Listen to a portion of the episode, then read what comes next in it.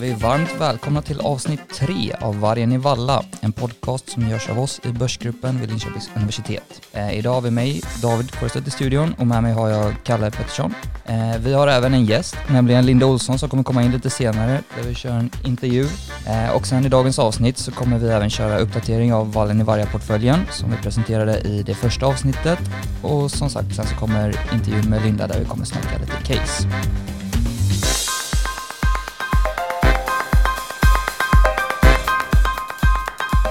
Först och främst vill vi presentera några av våra samarbetspartners som har aktuella annonser ute på vår hemsida. Och då har vi först eh, ut Söderberg och Partners som erbjuder eh, studenter att eh, skriva sin masteruppsats hos dem kring ett gäng aktuella ämnen där man även kan eh, vinna lite pengar om man blir utvald. Sen har vi även eh, PVC som erbjuder internships inom M&A i Stockholm. Eh, och Kalle, vad har vi eh, sista här då? Yes, vi är också väldigt glada att eh, kunna presentera höstterminens första gästföreläsning. Eh, det är såklart ett virtuellt event och det äger rum den 10 november klockan 17.00 och då gästas vi av Deutsche Bank. Deutsche Bank kommer prata en hel del om hur det är att arbeta på investmentbank men också berätta mer om deras karriärsmöjligheter och eh, internship. Vi hoppas verkligen att så många som möjligt kan komma och Eh, delta. Vi tror att det kommer bli ett jätteroligt event och om man vill läsa mer om eventet så står det väldigt mycket om det på Börsgruppens Facebook-sida. Då ger vi oss in till Vargen i Valla-portföljen. I första avsnittet av Vargen i Valla så presenterade alla vår, eh, våra portföljinnehav och det var då alla bolag som vi trodde höll till i Linköping som var eh, listade på börsen. Men nu har vi faktiskt fått nys om ett ytterligare bolag som har sitt huvudkontor här i Linköping och det är nämligen ett bolag som heter Synthetic MR. Och eh, vad de håller på med, det är ju då att de är verksamma inom utveckling och analys och avbildningsmetoder. Lite luddigt, men eh, kort sagt så är det magnetröntgenkameror som de håller på med. Och de har då en eh, teknik som ska öka effektiviteten och kvaliteten.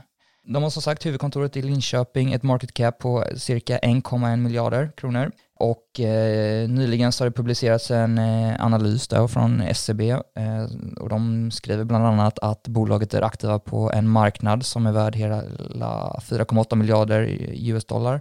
Eh, och eh, något som även är kul för oss att se här då, de har även ett partnerskap med då bland annat Sectra som är ett av våra andra portföljbolag här också håller till i eh, Linköping. SEB skriver också i sin analys att de har en riktkurs på 333 kronor per aktie och eh, aktien handlas just nu kring 290 till 300 kronor.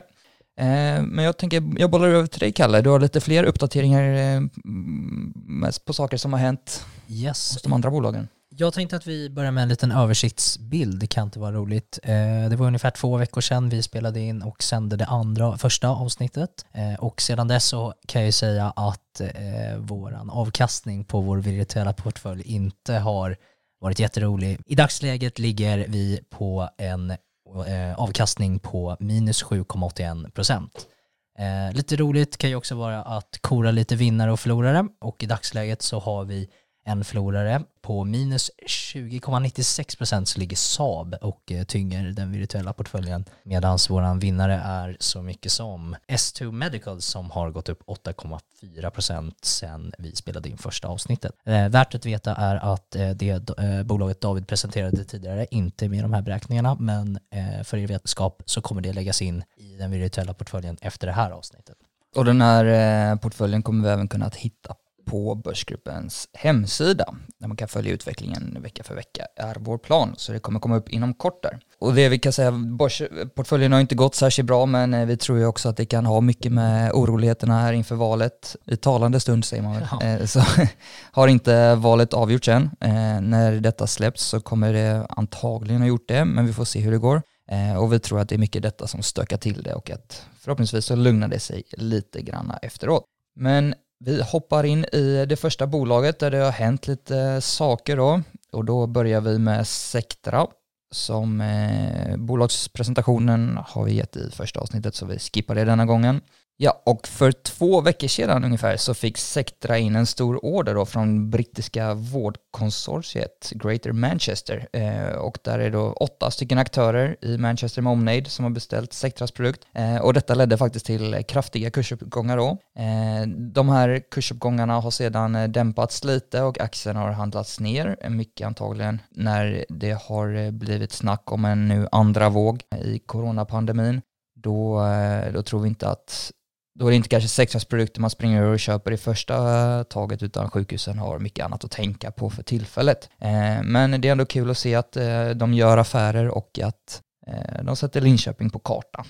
Yes, sen går vi vidare till eh, det andra bolaget där det har hänt lite grejer eller faktiskt så är det så att det här är eh, två flugor i en smäll. Eh, företaget XM Reality som vi presenterade i det första avsnittet som sysslar med lite remote assistant styrningslösningar jag har för mig att eh, du David berättade att ni hade varit där och ja, styrt saker på lite olika sätt. Eh, de har fått in en order från Saab och det här tycker vi är väldigt roligt att två av våra bolag ingår avtal med varandra. Förhoppningsvis gynnar det båda parterna. Det som har hänt är att Saab har lagt en order på ungefär 1,6 miljoner kronor på XMs Remote Guidance som är just remote-styrning. Eh, man kan väl säga lite så här då att eh, aktien rusade ungefär 12% på beskedet, eh, men eh, eh, eftersom det här var ungefär två veckor sedan så kan man väl säga att idag är kursen, det, var, det stack iväg ganska mycket på nyhetsvärdet och både XM och Saab har gått ner igen efter det. Sist så har vi S2 Medical och det här är den mest färska nyheten. Det här ägde rum för ungefär en dag sedan. Det som har hänt är att S2 Medical har vunnit en upphandling eh, till eh, Förenta Arabemiraterna. Och, eh, man har vunnit ett avtal som sträcker sig över tre år som handlar om deras nya produkt som heter Epiprotect.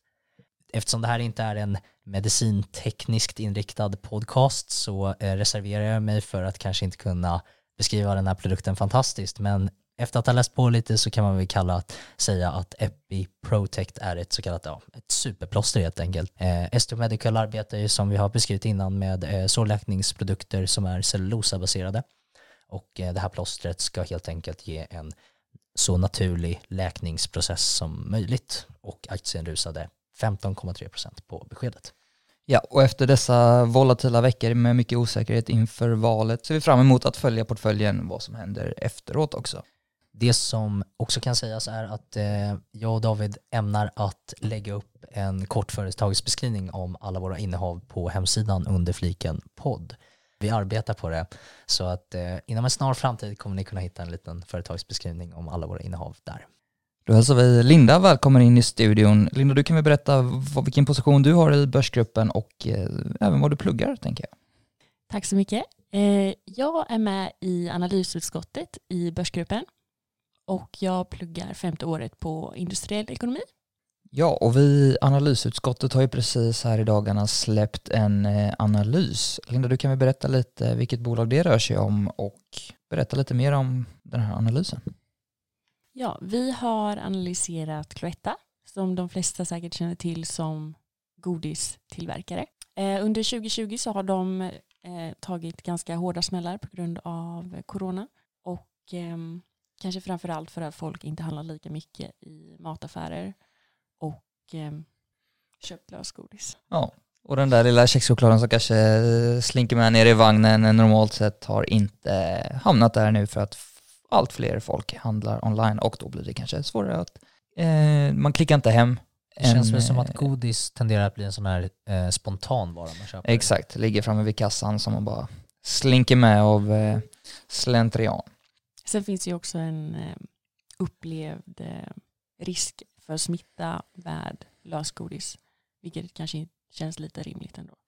Absolut. Och eh, detta blir extra svårt nu när vi börjat se en andra våg av corona också får vi se. Eh, men hur har kursen gått här under eh, senaste året, eh, Linda? Under 2020 så har den sjunkit med 34 procent. Främst i ehm, Q2 under Q3 så har de återhämtat sig lite. Eh, men nu när smittspridningen har ökat igen så tror vi att det kommer dröja ett tag innan de är tillbaka på samma nivåer som tidigare. Vdn säger ju där att de eh, ser en stabil eh, återgång till nivåerna innan pandemin, men nu känns det ju som det blir en andra våg av pandemin, så vi får se om bolaget redan har eh, tagit den största smällen eller om det finns ytterligare risker på nedsidan. Vi har ju mm, funderat lite på vad som ska driva utvecklingen i Cloetta framöver. För att fortsätta vara relevanta så ser vi att det hade varit intressant för dem att eh, kanske göra något förvärv. De vill ju själva erbjuda alternativ som är eh, som följer hälsotrenden lite mer med sockerfria alternativ och sånt. Det finns ju väldigt många andra aktörer som redan gör det och som man kanske väljer framför godis. Precis, det är mycket eh, sådana här grejer med diverse functional food som eh, många klassificerar sig själva som. Eh, och där såg vi ny, även nu nyligen ett intag på marknaden av Lohilo eller Lohilo beroende på hur man säger det som just håller på med sådana här mer functional foods. Och de har ju bara varit på börsen i någon vecka, inte handlat sådär superstarkt, men vi tror ändå att Cloetta kan behöva uppdatera sig för att kunna få den här tillväxten som de snackar om att de eh, vill ha. Som ledningen säger att de eh, siktar på. Spontan fråga ni som har analyserat eh, Cloetta, eh, eh, bolaget bara verksamt i Sverige eller? För jag tänker lösviktsgodis är ju en ganska svensk grej. De är också verksamma i framförallt Norden och eh, Nederländerna. Sen har de ju lite lösgodisvarianter i Storbritannien också. Men inte så stor del. Och det är ju främst i Sverige som lösgodis är stort medan i andra länder så är det mer förpackade godisvaror. Och sen så de satsar ju även på nötter och sådana där grejer. Jag tänker nu när vi har Linda här så eftersom faktiskt Cloetta är en del av våran eh, fiktiva portfölj Eh, så vet vi ju att eh, Cloetta idag ligger på, eh, aktien ligger idag på ungefär 20-21 kronor. Hur ser det ut med riktkurser och sådär? Har ni kommit fram till någonting där? Vi har tagit fram en riktkurs på 20 kronor, vilket resulterar i en behållrekommendation. för att konkretisera här lite på slutet tänkte jag att om ni skulle kunna, eller om du Linda skulle kunna lista eh, lite styrkor, svagheter med eh, Cloetta. En, eh, kanske göra en liten, en, en, en kort eh, SWOT-analys, eh, eh, liksom ett koncept som vi alla är bekanta med så att säga. Så, eh. Bolagets styrkor är att de har funnits väldigt länge, är stabila. Vi tror att ledningen har koll på det de gör. De har väldigt bra erfarenheter. Deras varumärke. Svagheter som vi ser är förändring hos kunder i deras beteende. Den här hälsovågen är kanske något de borde hoppa på innan det är för sent. Ett hot som vi ser är införandet av sockerskatt. I Norge till exempel så är det väldigt hög skatt på socker vilket gör att godis är superduper dyrt.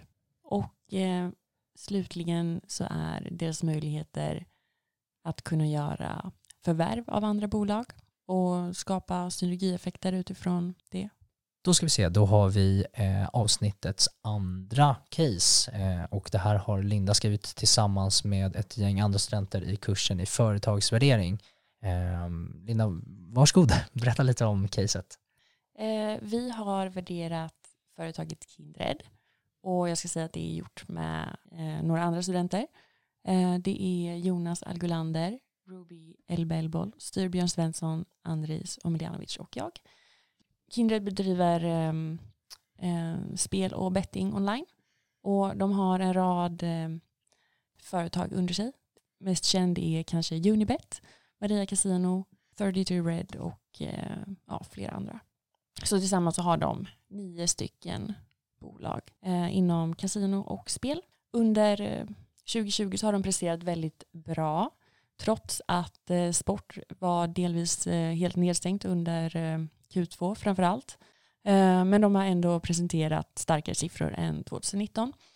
Eh, sen så är det ju väldigt intressant i och med att USAs eh, marknad för eller sportbetting eh, omregleras så att eh, fler delstater kan välja att eh, legalisera det. Och det är många som redan har gjort det eller är på väg att göra det. Kindred eh, har redan eh, fått licenser i eh, ett gäng delstater och har fler på väg. Eller har som mål att få fler. Eh, dessutom så kommer marknaden för online-spel att omregleras i Nederländerna och eh, Tyskland nästa år. Vilket också är liksom ett sätt för dem att ta sig in på den marknaden. Så vi ser att de har väldigt stora möjligheter till det. En fråga där då, Vad, eh, hur ser ni på den här ESG-aspekten? Eh, sportbetting och sånt där brukar väl inte ses som hel, en hel ren bransch. Eh, arbetar företaget aktivt med detta eller har det kanske påverkat kursen att företag har behövt, eller fonder har behövt eh, sälja av sina innehav eller vad har ni kunnat utläsa av det där? De säger ju själva att eh, allt som gör handlar om hållbart spelande för att de vill bygga en långsiktig relation med kunden och det funkar inte om man har ett ohållbart spelande. Så det är såklart det finns ehm, en del etiska och moraliska frågor att tänka igenom där. Men ja, de har också en uttalad strategi om att de vill ha fler spelare som ökar omsättningen istället för att varje enskild spelare ska spela mer. Um, så det är i alla fall någonting de jobbar med. Men alla spelbolag säger väl i princip samma sak. Jag kan gissa att de eh, har eh, påverkats av eh, corona på ett eller annat sätt som nästan alla andra världens företag. Skulle du säga, eller ni säger att företag har gynnats av corona att, i och med att folk har stannat hemma och haft mer tid över eller har de missgynnats med tanke på att kanske flera sportevenemang och sånt där har varit inställda under en tid eller hur, vad har ni kommit fram till där? Det är väl både och skulle jag säga. I och med att sportevenemang har ställts in så har de såklart eh, drabbats av det. Men ehm, det är, samma sak gäller ju för eh, fysiska kasinon som har stängts under corona och då har eh, man sett att spelare istället har valt att spela online. Så i slutändan har de ändå kommit ut starka ur det.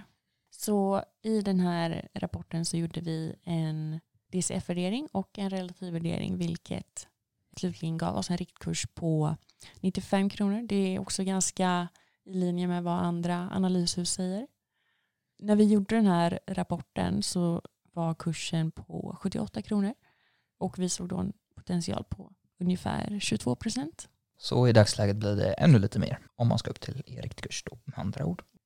Slutligen, eh, om du skulle kunna lista lite styrkor, svagheter, möjligheter, hot? Deras största styrkor är ju att de är en digital plattform som är, de är väldigt eh, flexibla och skalbara.